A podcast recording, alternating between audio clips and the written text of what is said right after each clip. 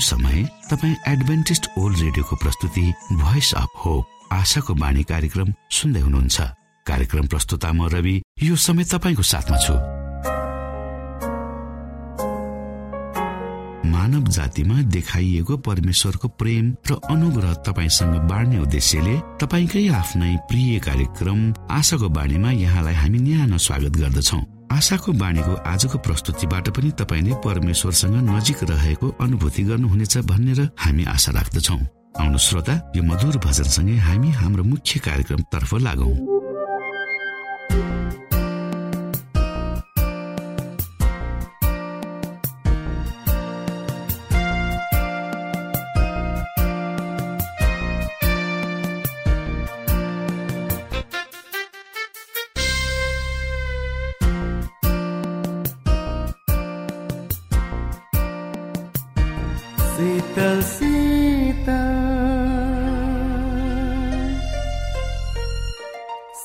जस्तो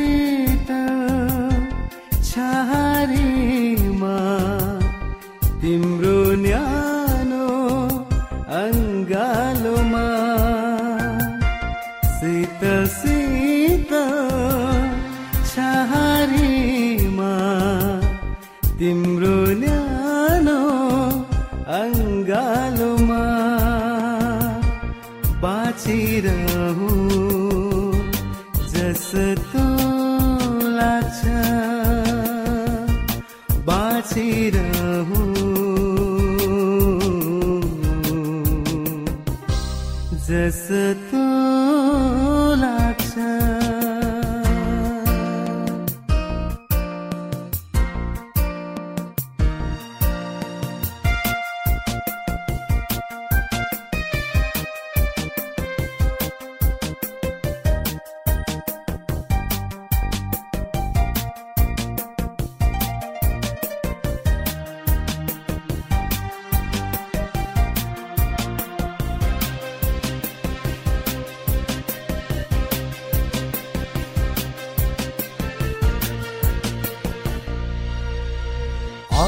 अनमो अति अनमो अति अनमो माया तिम्रो झरना भन्दा शीतल छायो।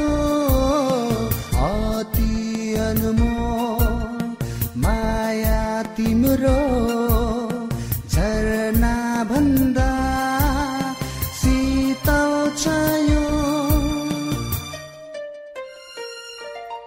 यसु तिम्रो त्यही मायामा सधैँ सधैँ तिम्रो छयामा।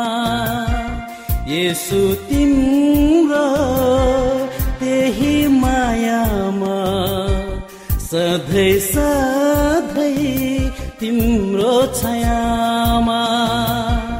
बाँचिरहँ जस्तो लाग्छ। बाँचिरहु।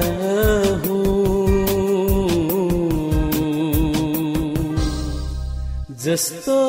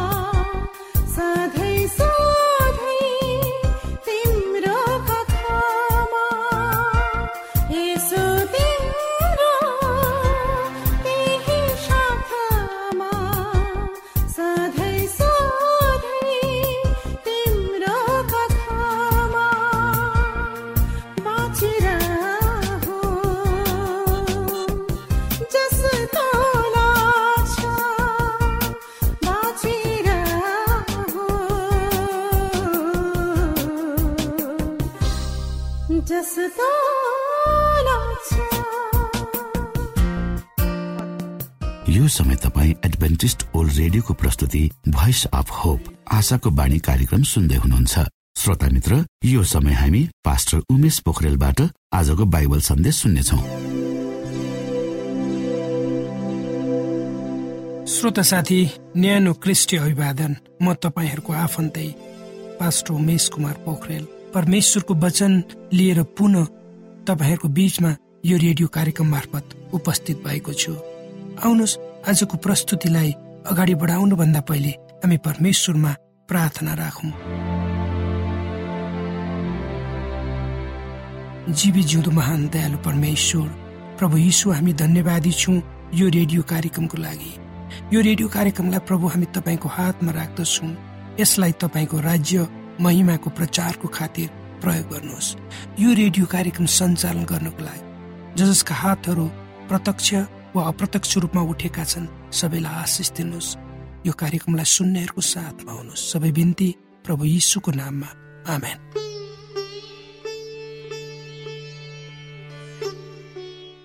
श्रोत साथी प्राचीन ग्रिकको एथेन्स भन्ने सहर दर्शन र ज्ञानको भण्डार थियो जुन कुरो इतिहासले प्रमाणित गरेको पाइन्छ।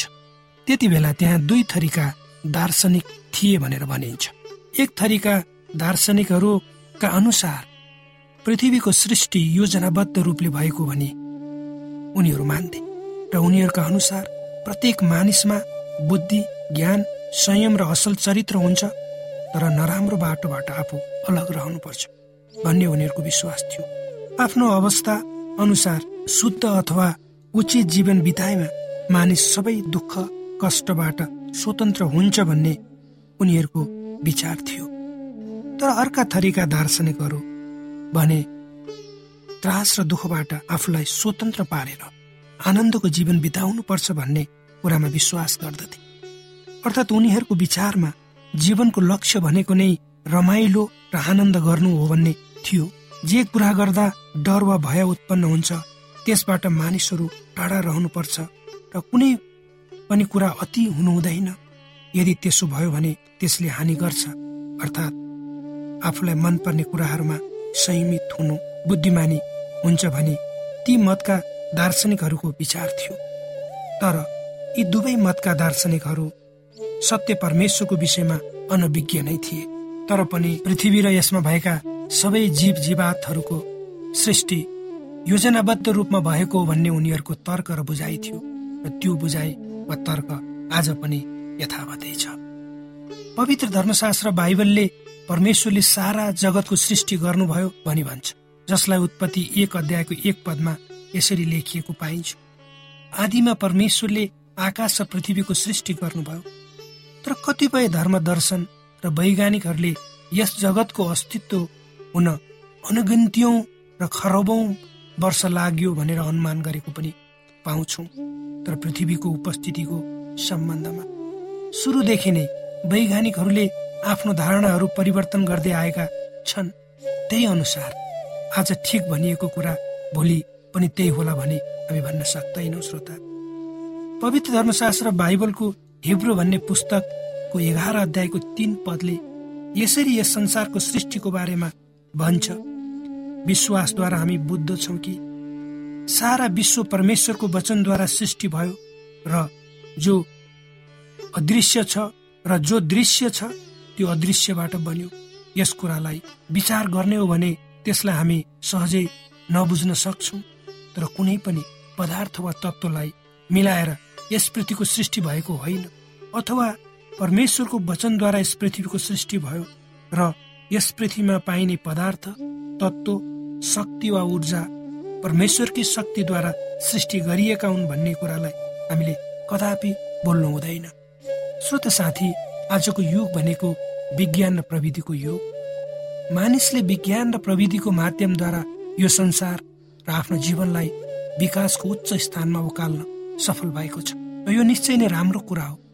तर जे जति कुराहरू मानिसले आविष्कार र विज्ञान मार्फत प्राप्त गरेको छ ती कुराहरू उसले अर्थात् मानिसले शून्यताबाट प्राप्त गरेको होइन। जस्तो सृष्टि भएकै चिज वा वस्तुलाई मानिसले विज्ञान र प्रविधि मार्फत नयाँ ढाँचामा विकास गरेको हो भने हामीले बुझ्नुपर्छ। मानौ मोटर र प्लेनहरू मानिसको आविष्कारहरू हुन्। र ती मोटर वा प्लेन बनाउन चाहिने कुराहरू चाहे ती फलाम अथवा अरू कुराहरू किन नहुन् ती सबै प्रकृतिबाट मानिसले लिएका हुन् न कि आफै बनाएका। एउटा सानो उदाहरण मात्र हो श्रोता। अर्थात् हामी मानिसले कुनै तत्त्वको सृष्टि गर्न सक्दैन त्यो त केवल महान परमेश्वरले मात्र गर्न सक्नुहुन्छ। त्यही मानिस र परमेश्वर बीचको भिन्नता पनि हो। श्रोता मित्र विश्वमा यस्तो कुनै तत्त्व छैन जसले सबै कुरा थाम्न सक्छ। यो जगत जीवनको लागि सृष्टि गरिएको हो र सबै पदार्थको निर्माणको लागि चाहिने मूल सामग्री अणु अर्थात् परमाणु हो। अणु अणु मिलेर भौतिक तत्त्व बन्छ। अणुमा ती तत्त्वहरू हुन्छन् जसले एक अर्कालाई आकर्षित गर्छन् र एक आपसमा प्रतिकार पनि गर्दछन् आकर्षण र प्रतिकर्षण गर्ने अणुका तत्त्वहरू अत्यन्तै सन्तुलित हुनुपर्दछ। यदि आकर्षण गर्ने शक्ति बलियो छ भने त्यहाँ केवल ठुला ठुला अणु मात्र। यदि आकर्षण गर्ने शक्ति बलियो छ भने त्यहाँ केवल ठुला ठुला अणुहरू मात्र सिर्जना हुन्छन् र त्यो र त्यो भयो भने त्यहाँ हाइड्रोजन वा एक प्रकारको अपरिहार्य वायु वा तत्त्व हुँदैन। र हाइड्रोजन बिना पानी हुँदैन र पानी बिना जीवन सम्भव छैन। यदि अणु यदि ती अणुहरूमा प्रतिकार गर्ने तत्त्वहरू मात्र शक्तिशाली छ भने त्यहाँ तीभन्दा अरू साना अणुहरू मात्र निर्माण हुन्छन्। त्यसमा केवल हाइड्रोजन मात्र निस्कन्छ। यदि हाइड्रोजन मात्र भयो भने कार्बन वा रासायनिक परमाणु तत्त्व त्यहाँ पाइँदैन। त्यहाँ जीवनलाई नभई नहुने अक्सिजन वा प्राणवायु पनि हुँदैन। फेरि अक्सिजन वा प्राणवायु बिना पानी र जीवन पनि सम्भव छैन। अब यस विषयमा हामी हाम्रो मानवीय सोचाइले हामी बुझ्न सक्दैनौँ र यी सबै कुराहरूलाई परमेश्वरले कसरी सन्तुलित गर्नुभएको छ त्यो परमेश्वरलाई मात्र थाहा छ। त्यसकारण अणुहरू अति शक्तिशाली त हुनुपर्छ तर विभिन्न रासायनिक मिश्रण वा केमिकल बन्न ती अणुहरू एक आपसमा मिलेर काम गर्नुपर्छ त्यसकारण मलिक्युल अर्थात् दुई वा दुई भन्दा बढी अणु मिलेर बन्ने तत्त्वहरू मिलाउन र जीवन धान्न चाहिने तत्त्वहरूको निम्ति ती मलिकुल टुक्र्याउन कुनै अदृश्य शक्तिको आवश्यकता पर्छ जसले तिनीहरूलाई सन्तुलनमा राख्न सकोस् र त्यो शक्ति केवल परमेश्वरमा मात्र छ। श्रोता साथी हाम्रा जीवनमा यस्ता धेरै प्रश्नहरू छन् जसको उत्तर हामी दिन सक्दैनौँ र संसारको ज्ञान र विज्ञानले पनि दिन सक्दैनन् यदि त्यसको जवाब हामी चाहन्छौँ भने हामीले परमेश्वरमै खोज्नुपर्छ र यी सबै कुराहरूमा परमेश्वरले तपाईँलाई अगुवाई गर्नुहोस्। आमेन।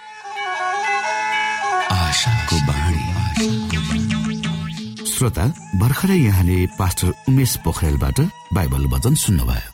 यो समय तपाईँ एडभेन्टिस्ट ओल्ड रेडियोको प्रस्तुति भोइस अफ होप आशाको बाणी कार्यक्रम सुन्दै हुनुहुन्छ। कार्यक्रम सुनेर बस्नुहुने सबै श्रोतालाई हामी हाम्रो कार्यक्रममा स्वागत गर्न चाहन्छौ। श्रोता मित्र यदि तपाईँ जीवनदेखि हरेस खानु भएको छ तपाईँका जीवनमा धेरै अनुत्तरित प्रश्नहरू छन् भने आउनुहोस् हामी तपाईँलाई परमेश्वरको ज्योतिमा डोहोऱ्याउन चाहन्छौँ तपाईँ आफ्नो जीवनका चिन्ता फिक्रीबाट निश्चिन्त हुनुहोस् र बाँच्नुको आनन्द परमेश्वरको सामिप्यमा कति मिठो हुन्छ त्यो चाख्नुहोस् भनी हामी चाहन्छौँ। श्रोता यदि तपाईँ आशाको बाणी कार्यक्रमलाई अनलाइन सुन्न चाहनुहुन्छ वा डाउनलोड गर्न चाहनुहुन्छ भने ओआरजीमा जानुहोस्। त्यहाँ तपाईँले प्रत्येक दिनको कार्यक्रम सुन्न र डाउनलोड गर्न सक्नुहुनेछ। हाम्रो वेब पेज यस प्रकार छ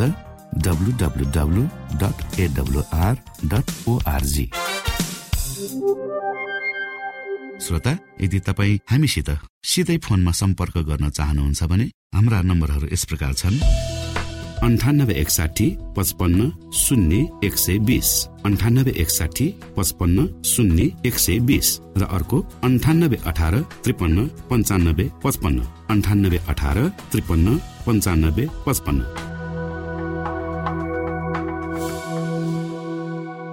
श्रोत साथी चिट चोर्न रोक्न अनौठो यो चाहिँ रमाइलो कुरा थाइल्यान्डबाट आएको छ हाम्रो छिमेकी मुलुक।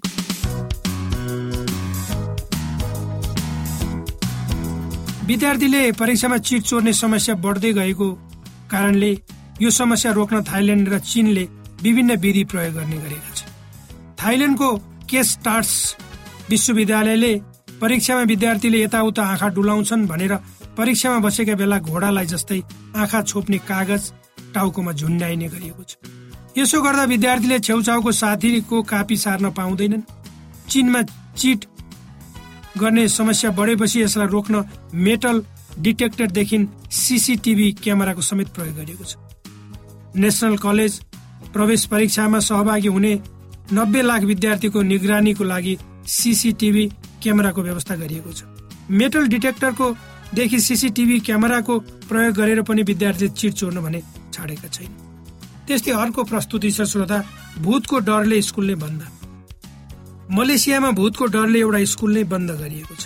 शिक्षक तथा विद्यार्थी सबैले स्कुलमा कालो आकृतिको भूत देखा देखा पर्ने गरेको र रोइ कराई गरेको आवाज दिउँसै सुन्ने गरेको छ भन्दै डराउन थालेपछि स्कुल नै बन्द गर्नु परेको छ। उत्तरी मलेसियाको एसकेएस पै पैकालन चेपा टू स्कुलमा भूतको समस्या देखिएको छ। एघारजना शिक्षक र पचासजना विद्यार्थीले केही समयदेखि त्यही स्कुलमा दिउँसै अनौठो आकृति देखा पर्ने गरेको र त्यो आकृतिले आक्रमण गर्ने गरेको बताए। सो आकृति देखेपछि शिक्षक तथा विद्यार्थी तर्सिने चिच्याउने गर्न थालेपछि अभिभावकको अनुरोधमा स्कुल बन्द गरियो। यो घटनाका सम्बन्धमा स्थानीय प्रशासनले अनुसन्धान सुरु गरिसकेको छ। त्यस्तै अर्को प्रस्तुति छ गाईको लागि पत्नी त्याग। यो घटना हाम्रो छिमेकी मुलुक भारतमा भएको। भारतमा एक मुस्लिम किसानले चौधवटा गाई पाल्न पत्नी नै त्यागेका छन् भनेर सुन्दा हामीलाई अनौठो लाग्छ। र यो घटना उत्तर प्रदेश स्थित इतवा जिल्लाको हो। चौधवटा गाई पाल्दै आएका मुन्ना भनिने अफाक अलीको जीवनमा ठुलो समस्या आइलाग्यो उनकी पत्नीले कि त मलाई छाड कि त गाई पाल्न छाड भनेर धम्क्याउन थाले। मुन्नाले पत्नीलाई भन्दा गाईलाई महत्व दिई पत्नी अप रोज जहानलाई तलाक दिए स्थानीय पञ्चायतले मुन्ना दम्पतिको विवाह मिलाउने प्रयास गर्यो। तर सफल भए। मुन्नाले कुनै हालतमा पनि गाई पाल्न नछाड्ने अडान लिएपछि पत्नीसँग सम्बन्ध विच्छेद भयो। तीस वर्षदेखि गाई पाल्दै आएका उनी गाईलाई असाध्य माया गर्छन् श्रोता यो थियो गाई प्रतिको प्रेम। त्यस्तै अर्को कुरा पनि गाईकै कुरा छ।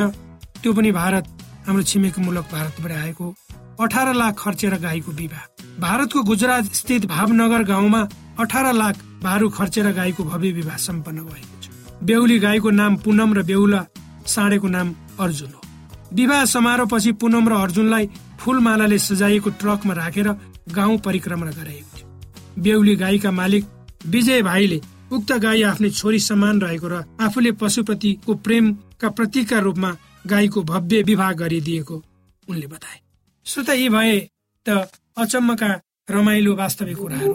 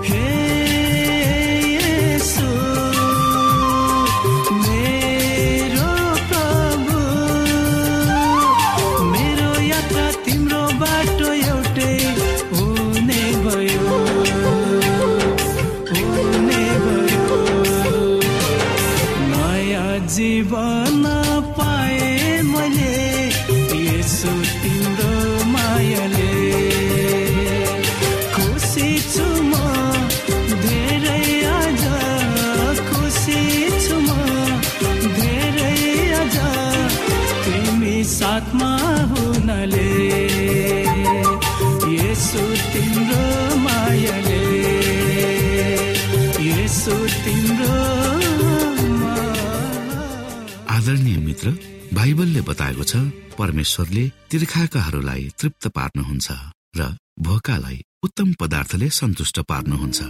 हामीलाई दिइएको यो छोटो समय आशाको बाणीको प्रस्तुतिको समयमा हामीले हाम्रा श्रोताको आत्मिक भोकलाई केही मात्रामा भए तापनि सही प्रकारको खोराक पस्केर आत्मिक सन्तुष्टि दिन सकेका छौँ केही ऊर्जा थप्न सकेका छौँ भनेर हामीले आशा राखेका छौँ। आफ्ना मनमा भएका केही दुविधा र शङ्काहरू छन् भने अवश्य हामीसँग बाँडेर शङ्काको निवारण गर्नुहुनेछ। र सही प्रकारको बाटो पहिल्याउन सक्नुहुनेछ परमेश्वरको सच्चाइले अझ राम्रो बुझ्न सक्नुहुनेछ र आफ्नो जीवनलाई परमेश्वरमा पूर्ण समर्पित भएर समर्पण सहितको जीवन बिताउन सक्नुहुनेछ भनेर आशा राख्दै अब हामी हाम्रो कार्यक्रम सकिएको जानकारी यहाँलाई गराउन चाहन्छौ। जानुभन्दा अगाडि श्रोता हामी यहाँलाई हाम्रो ठेगानाको विषयमा जानकारी गरौं। हामीसँग पत्राचार गर्ने हाम्रो ठेगाना यस प्रकार छ। आशाको बाणी पोस्ट बक्स नम्बर दुई शून्य शून्य शून्य दुई काठमाडौँ नेपाल। आशाको बाणी पोस्ट बक्स नम्बर दुई शून्य शून्य शून्य दुई काठमाडौँ नेपाल। यसै गरी श्रोता यदि तपाईँ हामीसँग सिधै कुराकानी गर्न चाहनुहुन्छ भने हाम्रो फोन नम्बर यस प्रकार छ। अन्ठानब्बे एकसाठी पचपन्न शून्य एक सय बिस। अन्ठानब्बे एकसाठी पचपन्न शून्य एक सय बिस।